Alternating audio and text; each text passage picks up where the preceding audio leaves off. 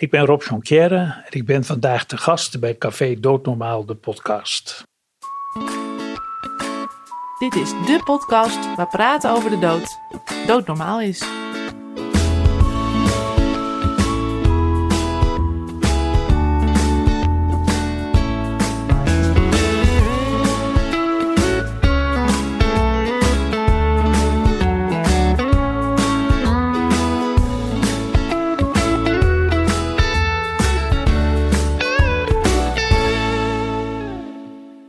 Welkom bij alweer een nieuwe aflevering van Café Doodnormaal, de podcast. Mijn naam is Gerard Ekelmans en tegenover mij zit in een verder verlaten kantoorpand van de NVVE, Sebastiaan Hattink. Ja, we hebben het in het eerste seizoen al kort gehad met Marion Dees over de wetgeving in Canada. Een wetgeving met betrekking tot euthanasie en het zelfgekozen levenseinde. En deze aflevering gaan we eigenlijk kijken hoe de rest van de wereld kijkt naar dit onderwerp en wat de mogelijkheden zijn in de verschillende landen. Is Nederland nou nog steeds de koploper of staan we inmiddels achteraan? En wie kan deze vraag nou beter beantwoorden dan de Executive Director van de World Federation of Right to Die Societies, Rob Jonquière. Rob, welkom. Dankjewel. Rob, als eerste vraag, wat is de, en het noemt voor het gemak weer even de Wereldfederatie, en waar houden jullie dan mee bezig? Ja, de Wereldfederatie, kijk, de makkelijkste antwoord is natuurlijk, het is een federatie van nationale, wat ik dan nu even noem, Right to Die Societies. Zeg maar even NVVE's, zoals die over het hele wereld zijn. Dat zijn er op dit moment 57 in de wereld, die in 28 landen zitten. En die federatie die is eigenlijk begonnen, niet eens officieel opgericht in 76. Toen de Japanese Society of Right to Die uh, zich afvroeg van ja, wij gaan nu wel wat doen, maar we zijn niet de enige. En hoe doen die anderen dat nou eigenlijk? En die hebben toen in Tokio eh, de mensen uitgenodigd uh, uit uh, Nederland, Engeland, USA en Australië. om gewoon met elkaar uit te wisselen van wat doen jullie nou precies en wat, wat, moeten wij doen, hoe kunnen we iets samen doen. En dat is zo goed bevallen dat daar besloten is om er een officiële federatie van te maken, een club. En die is uiteindelijk in 1980 officieel opgericht in Bath in Engeland. En sindsdien eigenlijk is die federatie elke twee jaar bijeengekomen in zogenaamde wereldconferenties. In 90 werd die door Nederland georganiseerd in Maastricht. En ook in 2016, dat was eh, de laatste hier in Amsterdam. Daar heb ik ook nog aan mij mogen dragen. En de laatste die we hadden was in 2018 in Kaapstad. Ja, en wat we doen, eigenlijk wat officiële doelstelling is, om zeg maar de informatie te verzamelen over de wereld. Van wat gebeurt er overal op het gebied van wetgeving, van organisaties, van lidorganisaties. En omgekeerd die informatie te verspreiden naar iedereen die geïnteresseerd is in het onderwerp. Dus ook niet-leden uh, kunnen de website bezoeken. En als federatie zien we dan een rol om tussen die nu 57 societies een liaisonfunctie te vervullen. Dus zorgen dat ze elkaar ontmoeten door bijvoorbeeld elke twee jaar zo'n conferentie te laten organiseren. En wat idealistischer streven naar om uh, landen waar zich een groep niet dreigt, maar is aan het ontwikkelen, om die te zeggen, nou, klop maar bij ons aan, wij kunnen hulp uh, bieden. En uh, ja, dat is misschien niet zo enorm ambitieus en groot. Ik realiseer me voortdurend dat, in tegenstelling tot de nationale societies, die hebben natuurlijk met hun eigen wetgeving, hun eigen idee te maken, eh, zie je dat dat niet over de hele wereld hetzelfde kan zijn. Dus helaas, uh, we komen daar misschien later nog wel over te spreken, heel veel landen vinden het jammer dat die Nederlandse wet die zo goed is, dat je die niet gewoon copy-paste overal elders in de wereld kwijt kan. Want dat werkt gewoon niet. Dat zit zo niet in elkaar. Maar natuurlijk uh, wordt ondersteuning, informatie wel ook vanuit de Wereldfederatie gegeven. En dat kan zijn dat, uh, dat iemand van bestuur of dat uh, ik of andere stafleden dan een verhaal houden of informatie verstrekken. Dan wel dat wij weten, oh, als je dat wil weten, dan moet je bij die society of bij die wanneer of mevrouw zijn. Dus dat is eigenlijk de, de belangrijkste rol die wij vervullen. En kan elke nationale vereniging zomaar lid worden van de Wereldfederatie? Ik, ik zou zeggen ja, dat kan. Er wordt wel, zeg maar, we kijken wel naar de statuten van zo'n club. Wat willen ze precies? we moeten natuurlijk wel iemand hebben die zich kan aansluiten bij onze ideeën als wereldfederatie, die daarin kan mee, meedoen. En er zijn clubs ook wel geweest in het verleden waar wat vraagtekens bij waren of die wel pasten. En dan was er een model waarbij uh, het bestuur dan zei, nou je krijgt een soort interim membership en dan op de tweejaarlijkse General Assembly, zo heet, daar werd dan ook de gelegenheid aan lidorganisaties gegeven die vaak zeiden, ja wij kennen die club wel, maar, en dan kwam een commentaar.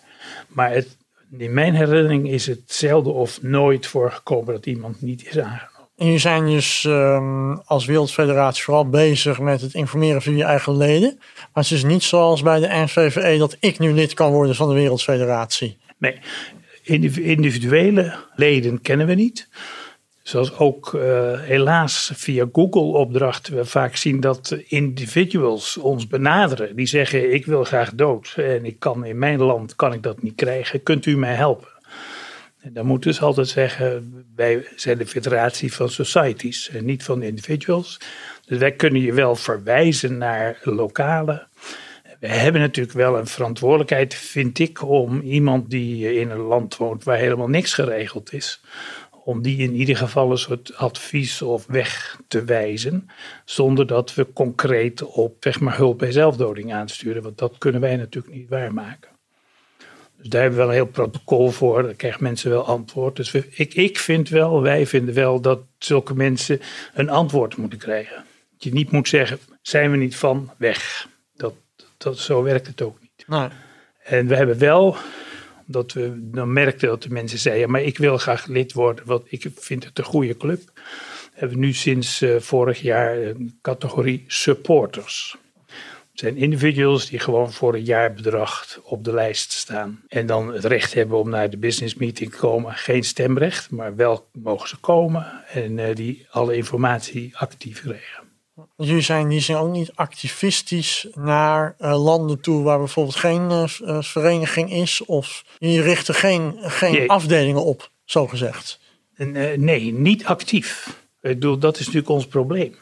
Het is niet zo dat wij met de staf bij elkaar zitten en laten we eens nadenken in, nou pak hem even beter buitenstaat Litouwen. Daar hebben ze nog helemaal geen wet, er is geen club. Dan gaan we eens eventjes een briefje schrijven aan Litouwen of dat niet moet veranderen. Wat we wel doen, is als we horen van een club die bezig is er iets mee te doen, of uh, krantenartikelen, of er is een advocaat die dus op het ogenblik speelt er een zaak in uh, Chili bijvoorbeeld. Nou, daar is geen club. We weten van die zaak af, dus we zijn nu wel bezig te proberen die advocaat aan de veren te krijgen. Om hem te helpen zijn doel te bereiken. En dan gaan we wel in de modus dat, dat we een brief schrijven of een document schrijven waarin we zeggen hoe belangrijk het is dat zo'n land toch tot wetgeving komt. En ook gevraagd ondersteuning vanuit de lidorganisaties die bezig zijn met wetgeving. En die zeggen van, uh, ja, kunnen jullie niet iets schrijven of zo? Nou, dan stellen we weer een mooi document op waar we vertellen hoe belangrijk het is. En je refereerde net al even aan de Nederlandse wetgeving. We hebben wetgeving. Ja. Hoe wordt daar internationaal naar gekeken? Het is, ik moet zeggen, het heel klein beetje aan het afnemen. Maar zeker pakken bij 10, 15 jaar geleden was eigenlijk de Nederlandse wet, dat was de wet. Dat is wat iedereen wilde. Uh, iedereen was stikjeloers. Ja, ik kan er niks aan doen. Ik ben en blijf Nederlander. Ik ben bezig geweest met die hele wetgeving hier in Nederland. Dus ik weet er nogal wat van af. Dus heel vaak uh, ben ik uitgenodigd om ergens een verhaal te houden over de Nederlandse wet. Hoe zit dat nou in elkaar? Gisteravond nog voor um, een club in Amerika, in San Diego, die een webinar over dementie en euthanasie uh, wil houden. Die gewoon wil weten hoe zit die Nederlandse wet nou in elkaar? En kan dat nou bij Nederland ook? Ja, daar word ik dan toch weer meer gevraagd als ex-Nederlander. Uh, maar dankzij mijn wereldfederatie kan ik dat wel breder maken, dat verhaal. Maar in het begin was het echt een gidsland. Iedereen had zoiets van, dit is de wet die we willen hebben. En dan, ja, daar heb ik natuurlijk veel verhalen internationaal over gehouden. En eh, daar, ik, ik geloof ik het al eerder zei, helaas geen copy-paste. Dat zou heel veel van onze lidorganisaties zouden graag willen. Uh, maar dat kan niet. Ik zeg ook altijd, De Nederlandse wet is geworden zoals die is. Door onze manier van wetgeving, onze geschiedenis, tolerantie, cultuur of al dat soort dingen. Dus als je dat niet hebt in een ander land, ja, dan werkt het niet. En wat ik dan vooral heb gezien, is dat ik meer en meer heb kunnen onderscheiden waarom die Nederlandse wet nou eigenlijk zo goed is. Zo breed. Het kwam er eigenlijk op neer dat heel veel landen die dan wel bezig zijn gegaan met wetgeving, uh, die liepen vast omdat bepaalde aspecten niet, uh, niet lukten. En het grote verschil wat ik ontdekte, en ik, eigenlijk ook door dit internationaal werk heb ik dat leren waarderen in onze Nederlandse wet, dat is dat Els Borst in 1999 gekozen heeft niet voor een terminale ziekte of een, uh, een ziekte die fysiek alleen is, maar gekozen heeft voor het kerncriterium lijden.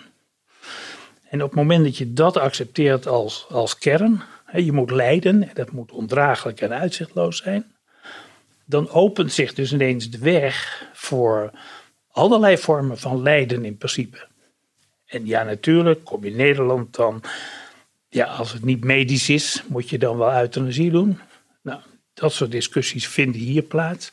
Maar in het buitenland gaat het eigenlijk bijna altijd over fysieke problemen, kanker, dat soort dingen. Begint, dementie begint wel erg door te dringen. En als je daar dan uh, die terminale factor op zet. Dus in Amerika, al die staten waar dan wel uh, gelegaliseerde hulp bij zelfdoding kan. Daar zit een termijn op, daar moet je binnen zes maanden overlijden. Nou, is één ding waar dokters niet goed is. Laten weten hoe lang iemand nog te leven heeft. Dat uh, zegt vaak, de dokter zegt nou, u haalt de volgende maand niet en die is over zes jaar leeft hij nog. En de ander zegt hij, nou, we kunnen nog rustig iets doen en die is binnen twee weken weg. Dus het is een slechte factor. En dat heb ik nu leren waarderen in onze Nederlandse wet. Dus dat is wat ik steeds maar verkoop. Als jullie willen veranderen, ik zie dus ook verandering in het buitenland wel noodzakelijk. Probeer ik altijd door te krijgen, ga dan naar het suffering als essentieel criterium. Maar je zegt ook dat de Nederland als gidsland langzaam aan het afnemen is als nou, voorbeeldland. Het, zo langzamerhand ziet iedereen de beperkingen van het feit dat je niet Nederland kunt nemen en co coördineren. Het tweede is dat er natuurlijk wel ontwikkelingen zijn. Als je op het ogenblik bijvoorbeeld kijkt naar Canada, die heeft een euthanasiewet. Medical aid in dying noemen ze het daar, maar een beetje een terminologie suggestie. Maar die heeft zeker voor de wereld een hele belangrijke rol is hij ook gaan spelen in het mogelijk maken van levenseindebeslissingen actief uh, door een dokter. Dus we worden een beetje niet ingehaald, maar er komen meer landen bij waar deze discussie ook gevoerd wordt en die ondersteund wordt. En ik zie met name de Canadezen, zie ik veel nu ook internationaal optreden om te vertellen hoe zij het doen. En dat is eigenlijk zoiets als wat wij doen. En wat is dan het grote verschil tussen de Nederlandse wet en bijvoorbeeld de Canadese? Het grote verschil zit hem vooral in, in de grootte van het land. Zo noem ik het dan maar. Dus ze hebben daar meer losgekoppeld van de relatie tussen de euthanaserende arts en de patiënt. Waar wij natuurlijk van begin af aan altijd hebben gezegd, daarom doet de huisarts het, heeft een langdurige relatie, die kent het gezin, kent iedereen. Punt waar wij van terug zijn moeten komen. En Canada heeft dat niet. Bovendien is het zo groot en er zijn dan maar een paar mensen, relatief paar, die bereid zijn die euthanasie ook uit te voeren.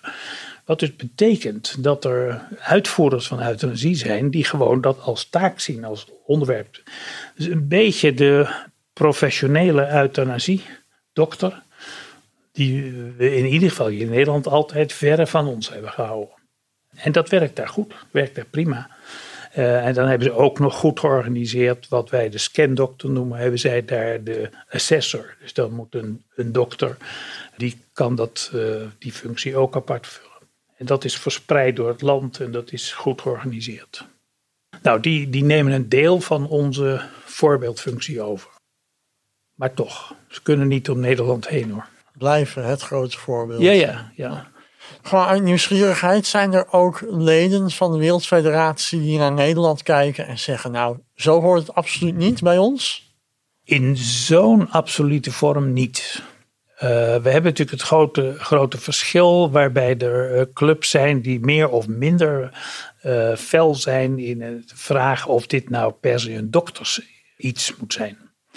Een bekende is trouwens inmiddels niet meer lid, is Philip Nitschke, die met zijn Exit International, ik weet niet of die de club is bekend, denk ik, Australiër, eh, die nu eh, ook in Nederland woont trouwens, hier vandaan eh, werkt. En die heeft zich met name en actief ingezet voor het feit dat een verzoek om levensbeëindiging vanwege lijden dat dat eigenlijk per definitie niet door een dokter moet gebeuren. Dus het medisch model, waar natuurlijk Nederland, Canada voor model staan, uh, daar is hij echt gewoon fel op tegen. Dat is ook de reden waarom hij op een gegeven moment toch weer uit de Wereldfederatie is gestapt. Omdat hij gewoon zich.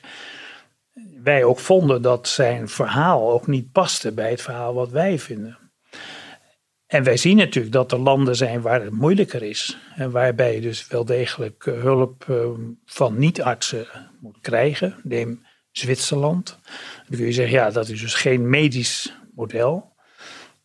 Hoe ver je het trekt. Er is wel een dokter nodig die een recept voorschrijft. Dus iets medisch zit er wel aan. Als je kijkt naar Duitsland, daar is eh, assisted suicide is officieel erkend als iets wat kan. En dat, dat hoeft niet per se een dokter te zijn, maar er is een recept nodig. Dus je ziet wel dat dat medisch model in de landen waar het serieus wordt opgepakt uh, wel, wel komt. Dus echt tegen Nederland niet uh, dat alleen dat soort discussies spelen. Ja, want het zal buiten je federatie om zijn, maar je hoort natuurlijk wel eens. En Mitt Romney was dat geloof ik, presidentskandidaat in Amerika, die zei in Nederland dragen ze allemaal armbandjes met euthaniseer mij niet. Uh, maar dat soort dingen hoor je niet in de Wereldfederatie. Die, die andere man. Nee, eh, dat, dat zijn, kijk, zoals we dat hier in Nederland hebben, ontmoet je in de wereld ook uh, clubs en, en, verenigingen die gewoon überhaupt het hele idee van euthanasie veroordelen. Bijna altijd op religieuze gronden, dus uit de katholieke hoek of uh, waar gewoon principieel wordt gezegd, ja, dat, daar heb je als dokter, als mens niks over te zeggen. Je moet maar afwachten. En dan is een zeg maar verzachtende club, eh, hoewel dat uh, heel stuk is afgenomen, dat is vanuit de palliatieve zorghoek. Dat is natuurlijk wat we in Nederland ook gezien hebben in het begin, waar echt palliatieve zorg en euthanasie ongeveer twee extreme waren. Waar gelukkig veel, veel nu bij elkaar is gekomen en we eigenlijk die twee eh, ideeën niet zonder elkaar zouden moeten kunnen kan niet goed euthanaseren als je niet eerst fatsoenlijke palliatieve zorg hebt gegeven. En steeds meer palliatieve dokters vinden wij zien dat euthanasie een heel goed einde van een palliatief traject kan zijn. Nou, die palliatieve zorg is natuurlijk in het buitenland ook sterk aanwezig. Uh, en daar zie je dat, dat dokters, ja, ze zeggen dat het niet, het is niet iets voor de dokter om te doen. De dokter is opgeleid om beter te maken, niet om dood te maken. Dat is natuurlijk een hele beperkte blik op wat je doet bij euthanasie. En dan zie je dat medische organisaties, dat die kiezen voor de palliatieve zorg omdat dat, en nou zeg ik het even als pro-euthanasia eh, man, omdat gewoon levensbeëindiging op een veilige afstand zit. Die geeft namelijk een advies om een bepaald traject in te gaan van palliatieve sedatie. En vervolgens treed je als dokter terug en daar gebeurt het wel ten eindelijk doe je exact hetzelfde, alleen op iets langere termijn. En uh, we hebben het hier altijd slow euthanasia genoemd. het is, uh, ja, want palliatieve sedatie is het in slaap brengen van iemand, ja. Uh, zodat op een gegeven moment de dood intreedt. Ja, nou, als je het officieel doet, dan, moet je, dan moet je, mag je pas palliatief sederen als je verwacht dat het lijden niet langer dan een week of twee is. Er moeten symptomen zijn die absoluut niet te behandelen zijn. En dan breng je iemand in slaap, in coma, met een infuus. Waarbij dit, dat infuus niet, zoals bij euthanasie, bedoeld is om je in coma te brengen en vervolgens een spierverslapper te geven. Maar om gewoon de, de klacht te onderdrukken.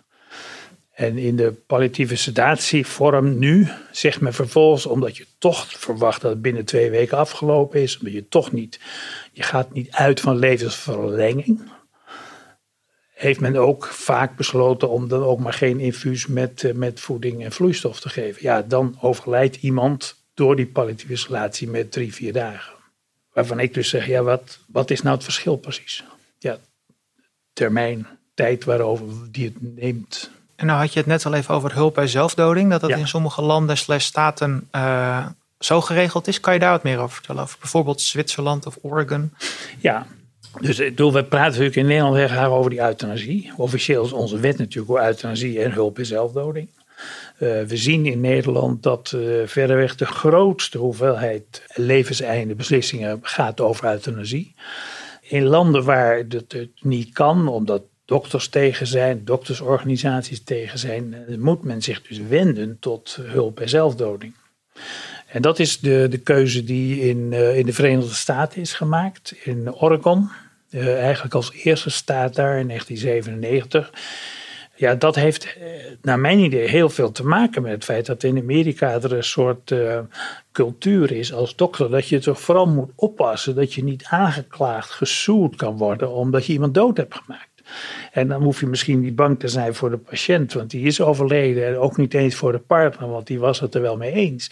Maar een achternicht van drie straten verderop, die ineens zegt: Wat is dat nou? Wat heeft die dokter gedaan? En die gaat je soeën en daar ben je miljoenen aan kwijt. Dus ik chargeer misschien wat, maar ik denk dat dat mede de reden is geweest om in Amerika te kiezen voor die hulp bij zelfdoding. Waarbij er dus wel allerlei argumenten zijn. Binnen zes maanden moet je verwachten dat je overlijdt. Er moet iets aan de hand zijn. Het moet fysiek zijn. Want hoe werkt En- dat dan? Nou, de, die moet dan naar een dokter gaan en zeggen van ik, eh, ik ben nu bezig eh, aan mijn laatste traject en ik wil het eind niet meemaken. Dus kun je mij helpen om eh, op het moment dat ik dat wil eruit te stappen. En dan heb je de dokter nodig om het fatsoenlijke middel voorgeschreven te krijgen. Nou, de dokter mag dat dan in Oregon en nog tien andere staten in de Verenigde Staten nu, mag dan zo'n voorschrift geven, recept. Maar wat zwart-wit gezet, hij schrijft het recept uit, geeft het aan de patiënt en zegt het beste ermee. Want hij wil er niks mee te maken hebben vanuit dat gevoel, ik moet er geen risico's eh, lopen. Dus anders dan in Nederland is de dokter er dan niet bij. bij... In Nederland eh, eh, moet je als dokter dat recept voorschrijven. Sterker nog, jij moet het spul van de apotheek halen en met het spul naar de patiënt toe gaan. Erbij zijn als de patiënt het inneemt. In Amerika weten we van, eh, van mensen die het recept hebben gekregen. En niemand weet wat er met het recept gebeurd is. Dus of je het ook aan je buurvrouw hebt gegeven of, of voor iemand anders hebt gegeven, dat weet je niet echt. Dus er verdwijnt in de registratie, er wordt wel geregistreerd, maar er verdwijnen recepten. En dat kan best zijn dat iemand het nooit heeft opgehaald. Prima, dat is dan eigen keuze. Maar er kunnen ook andere dingen mee gebeurd zijn. Dus ik vind dat, eh, kijk, als je nou wereldwijd zoekt naar welke vorm van levensbeëindiging je dan ook gaat kiezen. Maar als je zoekt naar een zorgvuldige, eh, veilige manier, dan ontkom je er naar mijn idee maar goed, we roepen nou wel, ja, maar je typisch, jij bent de dokter. Dan ontkom je niet aan het feit om die dokter in te schakelen. En te zeggen, laat die dokter nou besluiten of je het wel of niet krijgt. En laat die dokter nou bewaken dat het op de goede manier gebeurt. En welke landen eh, zijn nou in een vergevorderd stadium van een euthanasiewetachtige regelgeving? Nou, eh ver gevorderd, eh, natuurlijk Benelux. België, Nederland, België, Luxemburg hebben zeg maar echt een euthanasiewet. Waarbij België en Luxemburg heel erg lijken op de Nederlandse wet. Alleen blijkt dus dat Luxemburg, dat is, nou, dat is mondjesmaat wat daar gebeurt. Eigenlijk hoor je daar ook zelden of nooit wat over. Het gebeurt wel, maar misschien 10, 20, 30, 40 keer per jaar of zo. Dus dat is echt een heel laag aantal. Nou, sinds eh, recent hebben we Spanje, waar, waar een wet is. Nou, daar zie je al het gemurmel vanuit de katholieke oppositie, die het eigenlijk heel, heel slecht vindt wat daar gebeurt. Dus dan zie je de tegenkrachten die met name bij de implementatie, bij de uitvoering problemen gaan opleveren. We hebben natuurlijk in Nederland hadden we al een soort gegroeide, getolereerde praktijk van 30 jaar, waarbij dokters het eigenlijk al deden. En ehm, ik zal niet vergeten dat toen we hier de wet goedgekeurd hadden, toen zei je, nou, wat gaat er nou veranderen? Zeg ik, in Nederland eigenlijk helemaal niks. Het was 1 april, je gaat op 2 april net zo door als op 9, 31 maart. Terwijl voor andere landen het een enorme stap is geweest. Als je nou kijkt naar wetgeving op levensbeëindiging, dan is Zwitserland heeft een aparte rol. Dat is natuurlijk al heel lang. Dat is eigenlijk niet hulp bij zelfdoding gelegaliseerd. Alleen het is een, gemeld in de wet dat het niet, niet, niet mag. Dus je mag iemand helpen bij zijn zelfdoding op voorwaarde, ik noem dat altijd typisch Zwitserse keuze, op voorwaarde je niet in het testament dat je er geen geld aan verdient, dat soort, eh, dat soort dingen. En dan mag je dus als een ander aanwezig zijn bij helpen, het drankje aanbieden of, of, eh, of dat soort dingen.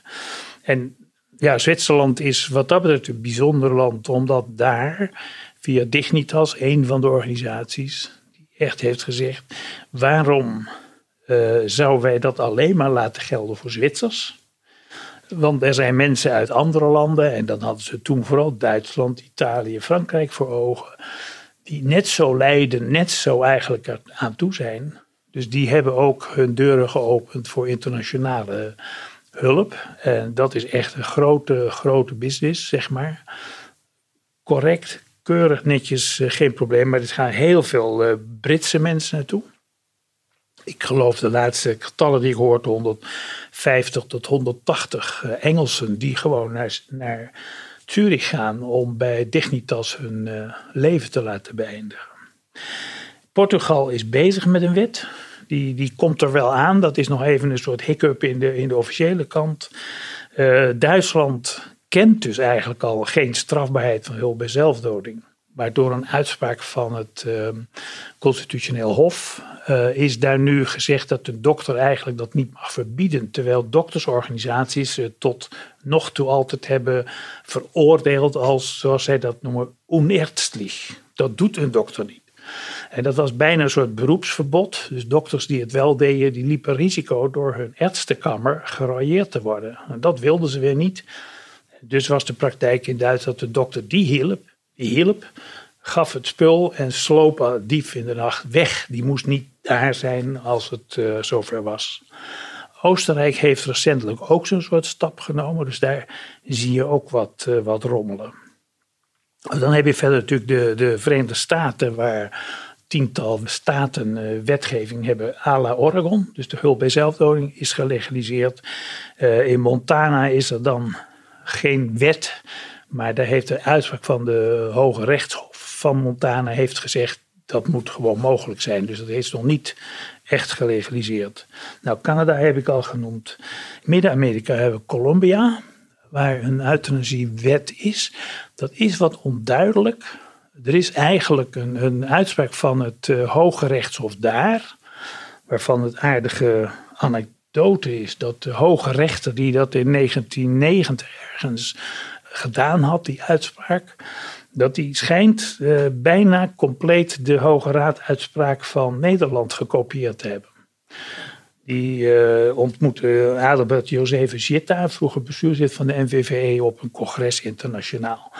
En die man had tegen hem gezegd: God, hoe duur die dat? En hij zei: Ja, eigenlijk zit ik met dezelfde casus op dit ogenblik. En wat moet ik daar nou toch mee? En die zei: Nou, fantastisch. Dus Adelbert heeft die uitspraak van de Hoge Raad naar hem toegestuurd. En die schijnt dat gewoon één op één te hebben gekopieerd.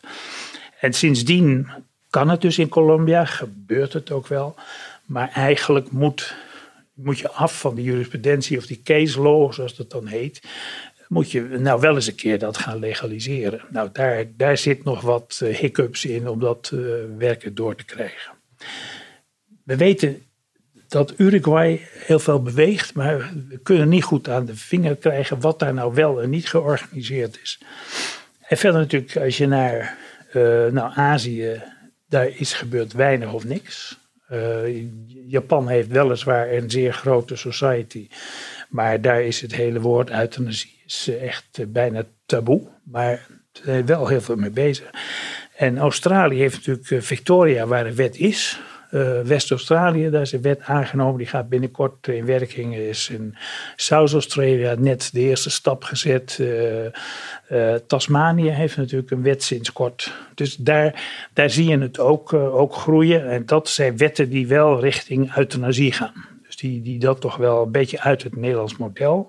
Hoewel Victoria door iedereen in, het, in, de, in deze groep de meest conservatieve wet van de hele wereld genoemd wordt. Ik geloof, iemand heeft dat eens uitgerekend, dat je moet aan 46 criteria voldoen voordat je in aanmerking komt.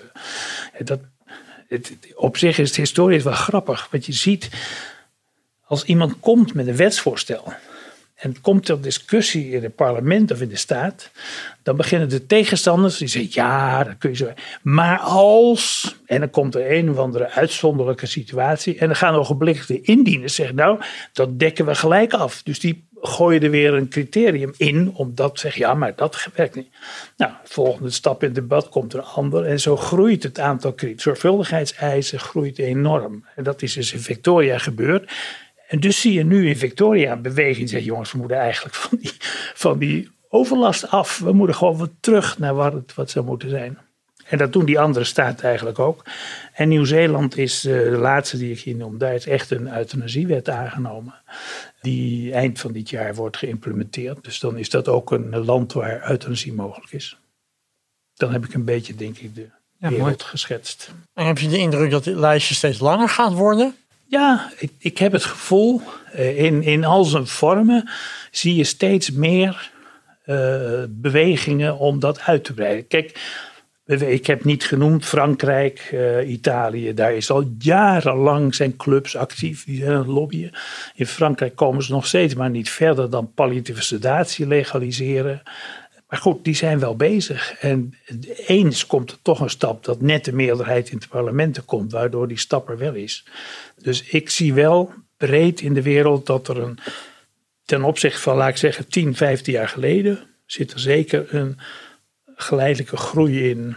Dat uh, zeg maar, keuzes maken rond het levenseinde een geaccepteerde keuze is. Iedereen eigenlijk van zegt wereldwijd, als je een wereldwijde survey zou maken, dan is ook 70, 80 procent van de wereldburger is voor het recht om te kiezen. Zoals we dat overal zien. Dat zijn flinke aantallen. Ja, dan praat je over miljarden. Ja, laten we daar dan een, een volgende keer verder over praten. Ik ben wel, ook wel heel erg benieuwd naar die beweging. Uh, maar nu even terug naar de Nederlandse Ja, context. Ja, Uh, als jij iets aan de Nederlandse wet zou mogen veranderen, wat zou dat dan zijn? nou mag ik antwoord niks.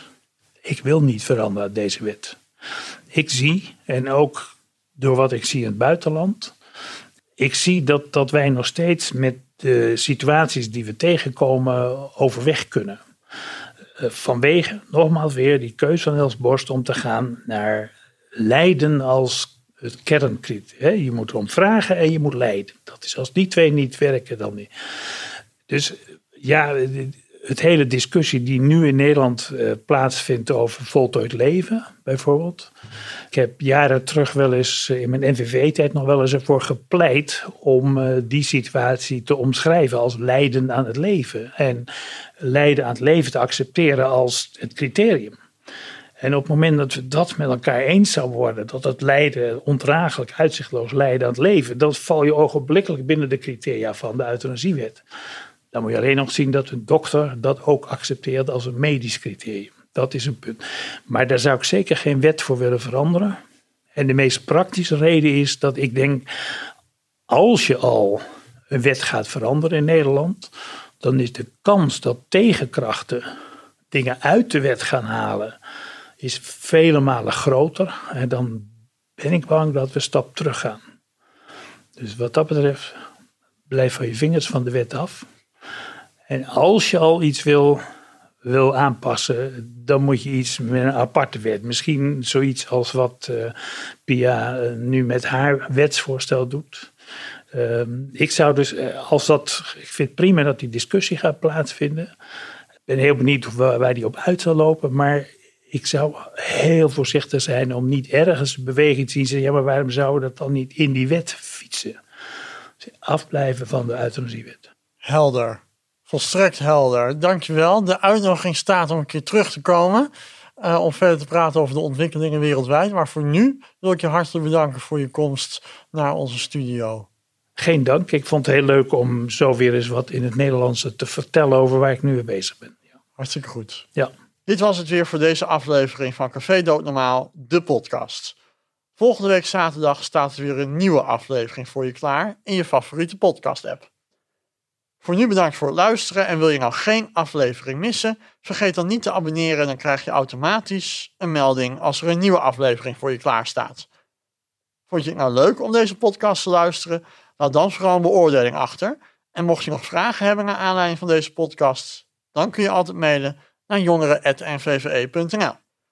Als laatste wil ik nog de NVVE bedanken voor het mede mogelijk maken van deze podcast en zeggen we graag tot volgende aflevering.